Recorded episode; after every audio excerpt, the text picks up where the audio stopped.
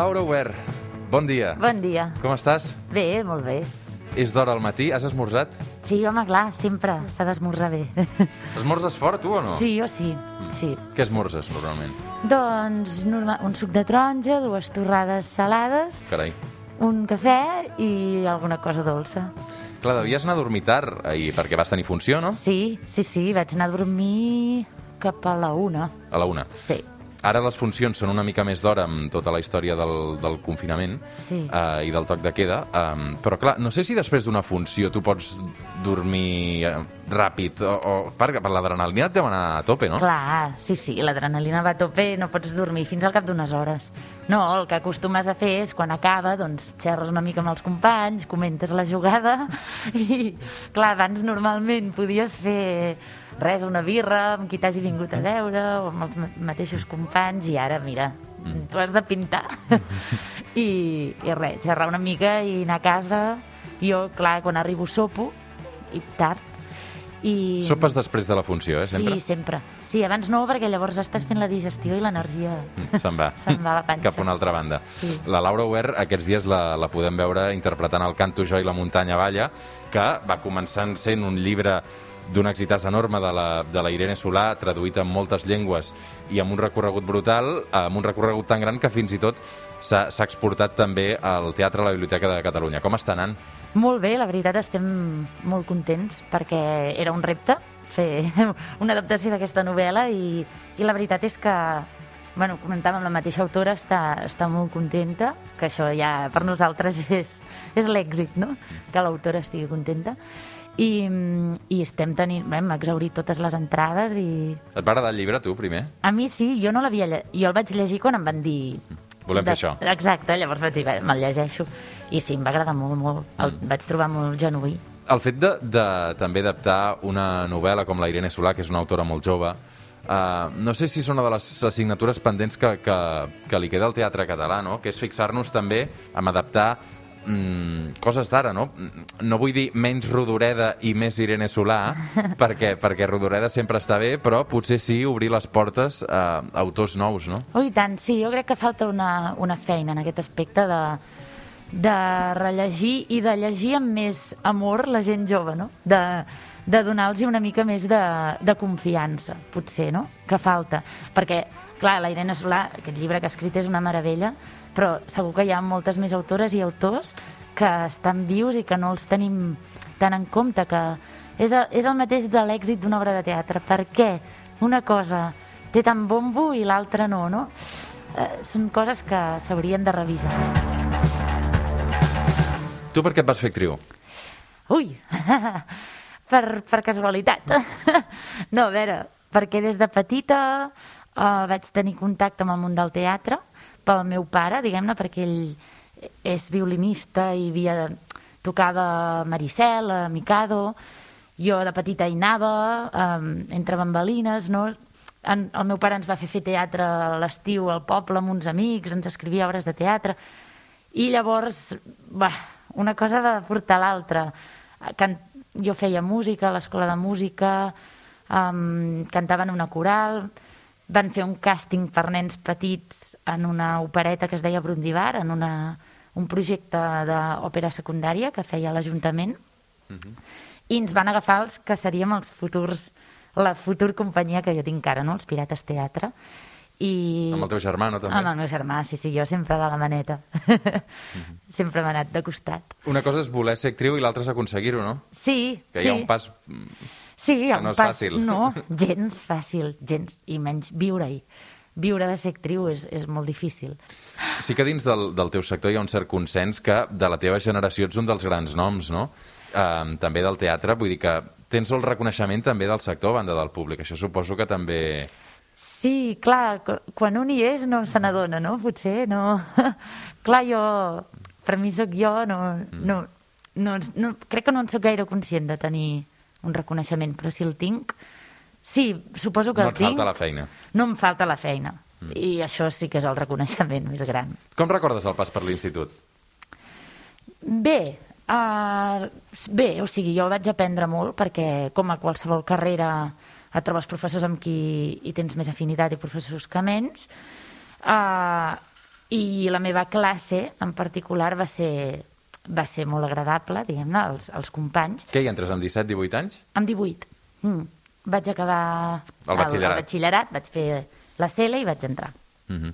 Era massa petita, potser, o no, per coses millor, per coses pitjor, però sí. El recordo bé, uh, moments de tot, i sí, sí, moments de tot, moments de, de tenir, de veure moments que vaig, inclús a primer em vaig plantejar de deixar-ho, però després vaig continuar, sí. Fa uns mesos, fa unes setmanes, quan el diari Ara va destapar els casos d'abusos dins de l'institut per part de diversos professors, um, en aquell mateix dia en què l'Ara uh, apuntava aquesta exclusiva, la Laura Obert, en aquest mateix diari, publicava un article que es deia No és normal. Un article on eh, hi explicava i, i, i narrava coses com aquesta. No és normal que un director vulgui assajar una escena a casa seva i de passada et convidi a sopar. Que et porti de festa, intenti emborratxar-te, intenti besar-te. Tampoc és normal que cada dia que arribes a assajar comenti com vas vestida, bavejant. No és normal que algú et posi la mà per totes les parts del cos durant els assajos i les funcions sense el teu consentiment que mentre esteu fent una escena junts et toquin el cul o fins i tot et fiquin la mà per dintre de les calces quan el públic no ho veu i tu has de continuar actuant com si res no hagués passat. No és normal. No és una brometa que faci riure. Per què vas decidir escriure aquest article aquell dia? Vaig decidir perquè feia un any i mig, un any i mig que, que la Núria Juanico i l'Albert Llimós es van posar en contacte amb mi, que són els dos periodistes de l'Ara que van, que van treure aquest art, aquests articles, no? Um, I llavors jo portava un any i mig parlant amb ells uh, i ells estirant del fil i acompanyant-me en un procés de conscienciació i de, i de donar-me de que potser havia, bueno, no, sense el potser, de que havia rebut abusos, no? Jo, personalment. Llavors, què passa? Que portava un any i mig remoguda. Um, no és una cosa que no sabés, sinó és una cosa que em vaig conscienciar durant aquest any i mig. Vaig, vaig ser-ne conscient. Llavors, uh, després d'aquest any i mig, uh, la Núria i l'Albert, quan van decidir treure aquests articles um, sobre l'Institut del Teatre, no? on jo a l'Institut no, vaig, no vaig patir abusos, um, perquè havien estat parlant amb mi i acompanyant-me en, un, en tot un procés, no? um, em van demanar que escrivís un article. Ells volien que escrivís un article sobre el perdó, el perdonar i el... Però, clar, jo, jo, jo vaig dir, jo no sé si, si sabré fer-ho no. Uh, M'heu de donar temps, no? Perquè, per veure què vull fer. Llavors em vaig plantar allà un dia davant de, de l'ordinador no? i vaig dir, si vull es... si he de fer un article, per què l'he de fer? Quin, quin sentit té? Perquè, sincerament, um, uh, fer pública una cosa així a mi no em fa gaire il·lusió no, no, no, no, i no m'ha fet gens d'il·lusió haver d'escriure aquest article, ja t'ho diré ara, no, no és una cosa que, que em faci il·lusió ni que, ni que n'estigui contenta, no? Um, però, però llavors vaig, em vaig posar, em vaig plantar davant de l'ordinador i vaig dir um, què m'hauria agradat saber quan tenia 20 anys, no? Què m'hauria agradat llegir? I, i mira, em va, em va sortir això, no? I, i mira, també personalment escriure-ho va ser va ser plaent, no? Perquè va... Curatiu, potser. Sí, va ser curatiu. Sí, plaent no, no és la paraula, no. Pel que m'estàs explicant, Laura, mm. Tu et vas adonar més tard del que t'havia passat, no? En vas prendre consciència a posteriori. Sí, És a dir, en aquell moment ho vas passar molt malament, però fins al cap d'un temps no vas sí. pair i entendre que allò que t'havia passat era un abús. Sí, en el meu cas, perquè crec que cada cas és un món, um, ho vaig passar... Clar que ho vaig passar molt malament en el moment, però potser ho vaig passar més malament després, en el moment en què, en què poses nom a les coses i, i te n'adones i revius les coses, no? Mm. Continuo amb algunes de les coses que vas escriure, eh? Tinc la sensació que per buscar l'estabilitat i aconseguir una bona posició es creen aquestes dinàmiques d'abusos de poder que sovint s'evidencien amb l'abús sexual, però per mi sobretot mostra la por i la precarietat del nostre sector. Què passa? El, aquest, aquest sector nostre és precari, és molt precari. En aquest, en aquest país la cultura um, no s'ha valorat gens políticament parlant, és a dir, econòmicament parlant, ja d'entrada. És un sector precari, um, sobretot el teatral, no? Bueno, i, i l'audiovisual també, vull dir, tots ho són.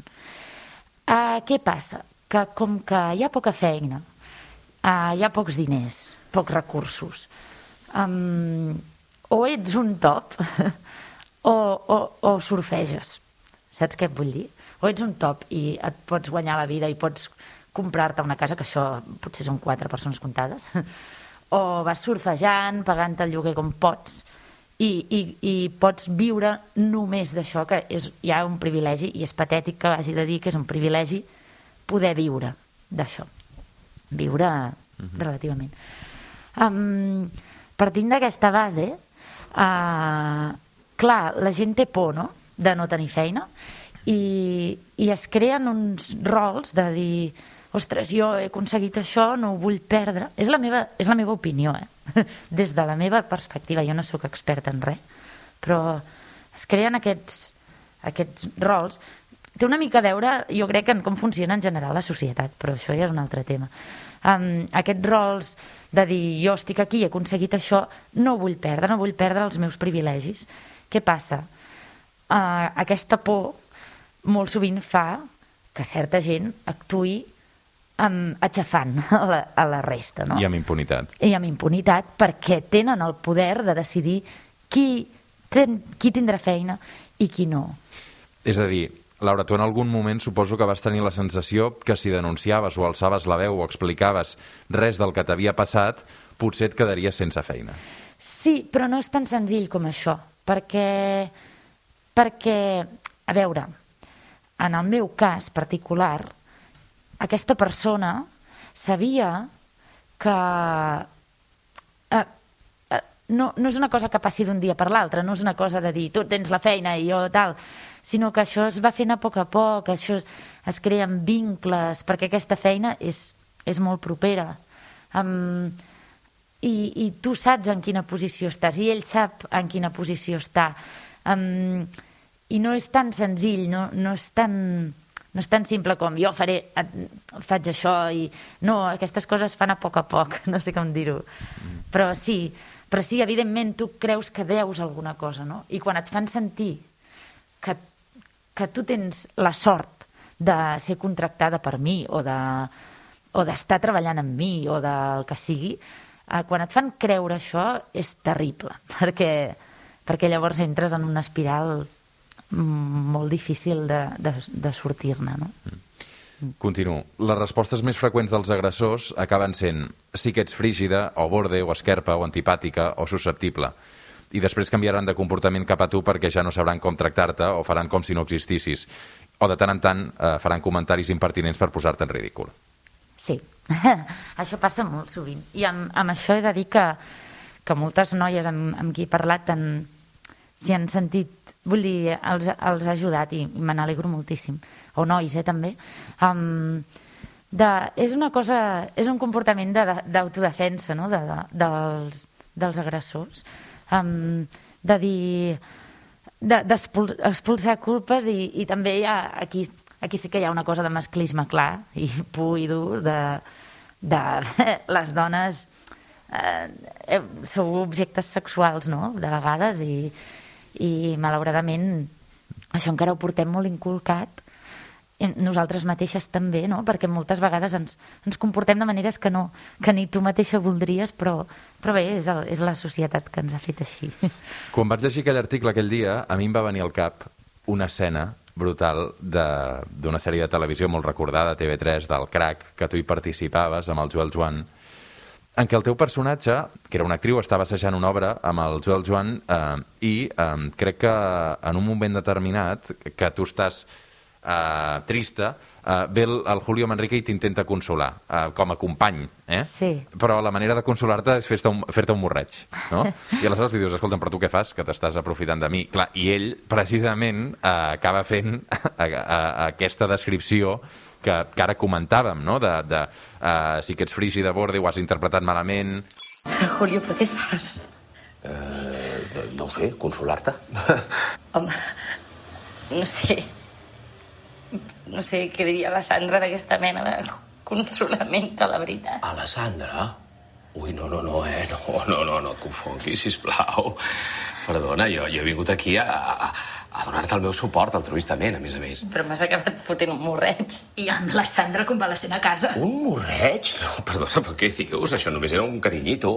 Una mostra d'afecte com li podria fer a la meva germana.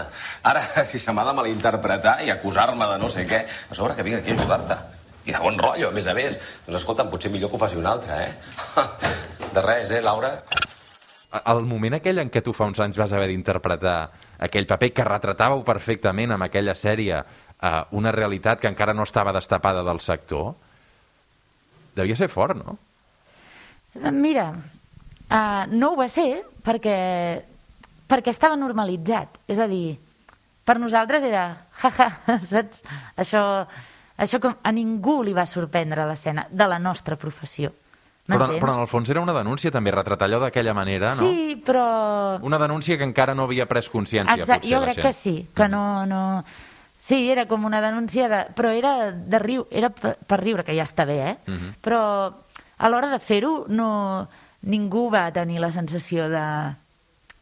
Oh, que fort! Eh, és com una cosa que, que s'ha normalitzat, que, que passa, i la professió és així, jaja, jiji. Clar, jaja, jiji, però qui ho rep ja no, no fa tanta gràcia, no? Com ho has superat tu, Laura? Uh, O estàs en procés encara? Suposo que hi ha coses que, que estan en procés, sí, però jo ho he superat perquè, perquè tinc un entorn amb una base, una família, uns amics molt, molt sòlids i molt, que, que m'han ajudat molt. Um, que a la llarga ho han sabut comprendre tots a la primera, que... I, i llavors jo ja venia d'una... Jo, jo crec que tinc, vinc d'una base molt sòlida i això m'ha ajudat molt, saps? No, no em va desestabilitzar tant com, com em podria haver passat si no, no tingués una xarxa al meu voltant tan potent. Com els hi deu passar a moltes altres eh, actors o actrius, no? Sí. Amb una altra edat i amb un altre context, suposo. Exacte, Tu tens que- 34 anys, ara. Jo tinc 34, sí. El nom de l'agressor no el dius. No. Eh, no, no, perquè, perquè no vull. Perquè... Um, és que jo no... Jo no vull que sigui una... No vull que sigui una cosa pública la meva vida. No sé, no, no m'interessa. No. I tampoc eh, em vull abanderar de, de res, ni, i menys d'una cosa així. Um, però, però a més a més penso que, que en tot cas si ho, si ho vull resoldre en algun moment si tinc forces, doncs aniria per la via legal, saps? Perquè sí, treure un nom, molt bé, llavors em trucaran periodistes i serà tot un boom, però, però crec que no, que si, si actués més seria per la via legal, buscant altra gent, perquè aquesta, aquest tipus d'agressors no només ho han fet una vegada, um, sinó que són, són coses que, que es repeteixen en el temps, no? amb altra gent. Llavors, um, buscaria reforços i aniria per la via legal, en qualsevol cas. Moltes vegades, quan sortia a llum un d'aquests casos d'abusos, es deia eh, allò de que hi havia una part que ho havia silenciat i que ja ho sabia, no? o, o que ho justificaven de, dient que ja sabem com és tal persona. O, inclús, es deia allò de... Eh, es justificava pel talent, no? És que és tan talentós que se li pot permetre tot. Tu tot, tot això què en penses? Mm, penso que el, el justificar aquests comportaments és, eh, demostra que, que um, som una, una societat que encara va molt enrere perquè, perquè hem norma... és això una mica el que deia l'article hem, hem anat normalitzant uns comportaments que són que no es poden normalitzar i després penso que l'excusa del talent de és un geni mm, i totes aquestes paraules que es volen posar en una cosa que és impalpable um, qui ho decideix que té talent o que és un geni No? O Qui- potser, potser sí que és un geni, però el fet que sigui un geni no, no justifica. Sí, és a dir, sí. És a dir, uh, sí, pot ser un geni, pot tenir molt talent, però uh, hi ha moltes maneres de treballar i hi ha molts genis i talents que s'han perdut pel camí perquè no han sigut prou forts per aguantar uh, certs comportaments d'altres genis i talents. M'entens? És a dir, Um, aquests genis i talents també han destruït molts genis i talents que podrien haver sortit a la llum. I això és el que dol, perquè és com la llei del més fort. I, és, I jo sé que en part jo he arribat a treballar perquè aguanto, m'entens? I, i, I què vol dir justament a, a les arts? Que la gent ha de ser sensible. Hi ha gent que és molt sensible i té molt talent, però no ha pogut continuar perquè, perquè altra gent amb talent que no és tan sensible l'ha destruït, no? I, I sap molt greu perquè jo en conec molta d'aquesta gent um, que, que, que es pensen que no tenen talent i en tenen, però tenen més sensibilitat i no han pogut tirar endavant. Com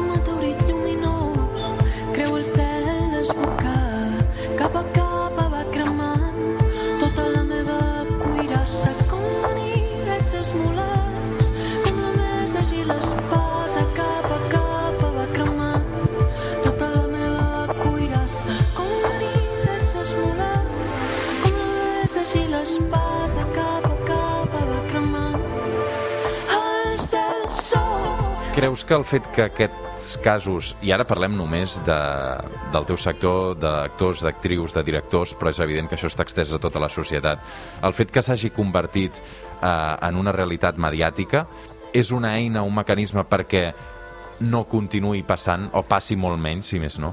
Jo crec que sí, perquè si no, per què tot aquest mal, no? Vull dir, aquest mal de les, de les persones que han patit abusos, reviure-ho, fer-ho públic, això és molt dolorós, és molt difícil, és molt difícil fer aquest pas, molt difícil. Um, uh, jo crec que sí, que ha de servir com a... Nosaltres tenim una professió que per bé i per mal um, és de cara, és, és pública, no? I, I també crec que forma part de la nostra responsabilitat intentar, doncs ja que tenim l'opció de... Jo tinc l'opció de venir aquí i poder parlar en una ràdio, no? Doncs intentar ajudar per millorar la societat. I, i crec que, que és una cosa que, que passa a totes les professions segurament. Mm, i llavors sí, crec que ho hem de ho hem d'ensenyar. Fer generalitzacions és injust, però tu, Laura, eh, repassant també el teu currículum, la teva trajectòria, eh, t'han dirigit homes i t'han dirigit dones, no? Eh, Vull dir, he vist que t'ha dirigit el Lluís Pasqual, la Carme Portacelli, l'Oriol Brogi. És diferent que et dirigeixi un home a que et dirigeixi una dona? O, o, o també hi ha dones masclistes, no? Sí, hi ha de tot. Uh, jo, personalment, penso que, que el, evidentment, el, els gèneres... Es, crec que, que jo no voldria posar tant en el gènere les, les actituds, sinó en, en les persones i en els rols que es creen, no? Però, evidentment, hi ha diferències de fer a cadascú, però cada persona és cada persona. Mm. A tu t'agradaria dirigir? Ah, Ho dic perquè, clar, ara tens, comences a tenir un bagatge, no?, per veure Sí. què t'agrada, què no t'agrada. Sí, a mi em passa que no sóc bon, bona líder i, i s'ha de ser un bon líder per dirigir. Jo em, em costa posar-me davant de gent i dir vinga, o sigui, sóc més de les empenya des de darrere. Laura, recordo que a l'article parlaves molt de la vergonya i de la culpa, no? De la persona agredida i de com superar això i, i de la por també de, de fer-ho públic. Com se supera aquesta vergonya, aquesta culpa? Sí, Quan en Jo- realitat ets una víctima. Sí, jo crec que, que en el moment en què et passa, tu el primer que sents és vergonya perquè, perquè sents com que tu has estat responsable de certes coses um, i sents vergonya del que t'està passant, no? I crec que és important que, que de seguida reconèixer que aquesta vergonya no l'has de tenir, que pots parlar amb qualsevol persona que tinguis al costat, que vegis que et sabrà escoltar, i si no et sap escoltar en algú altre, i que aquesta persona t'ajudi. Perquè llavors, en aquest moment, és quan es comença a crear la culpa. I la culpa amb els anys es va fer més gran i després costa més de treure. I crec que és molt important parlar-ho i identificar-ho a temps. Per tant, quan més se'n parli i més parli totes la, les persones que ho han pogut patir, com totes les valentes que van escriure això de l'Institut del Teatre, perquè, perquè vull dir, i vull remarcar que és molt difícil fer-ho públic perquè has d'haver fet un procés um, intern molt gran i també alerta a fer públic abans d'haver-ho feït bé perquè et pot fer mal. És el que volia dir. Entenc que tu vas necessitar ajuda professional. Eh, efectivament, sí. You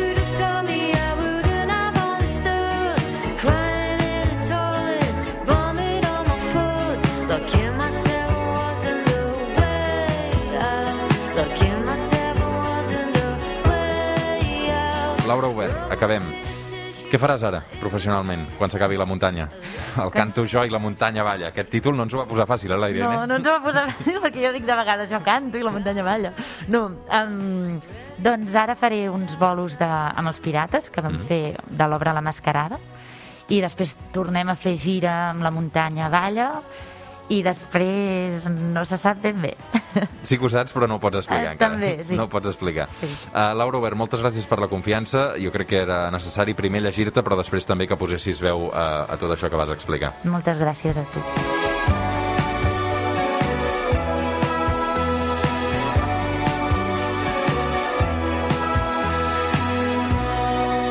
Catalunya Ràdio.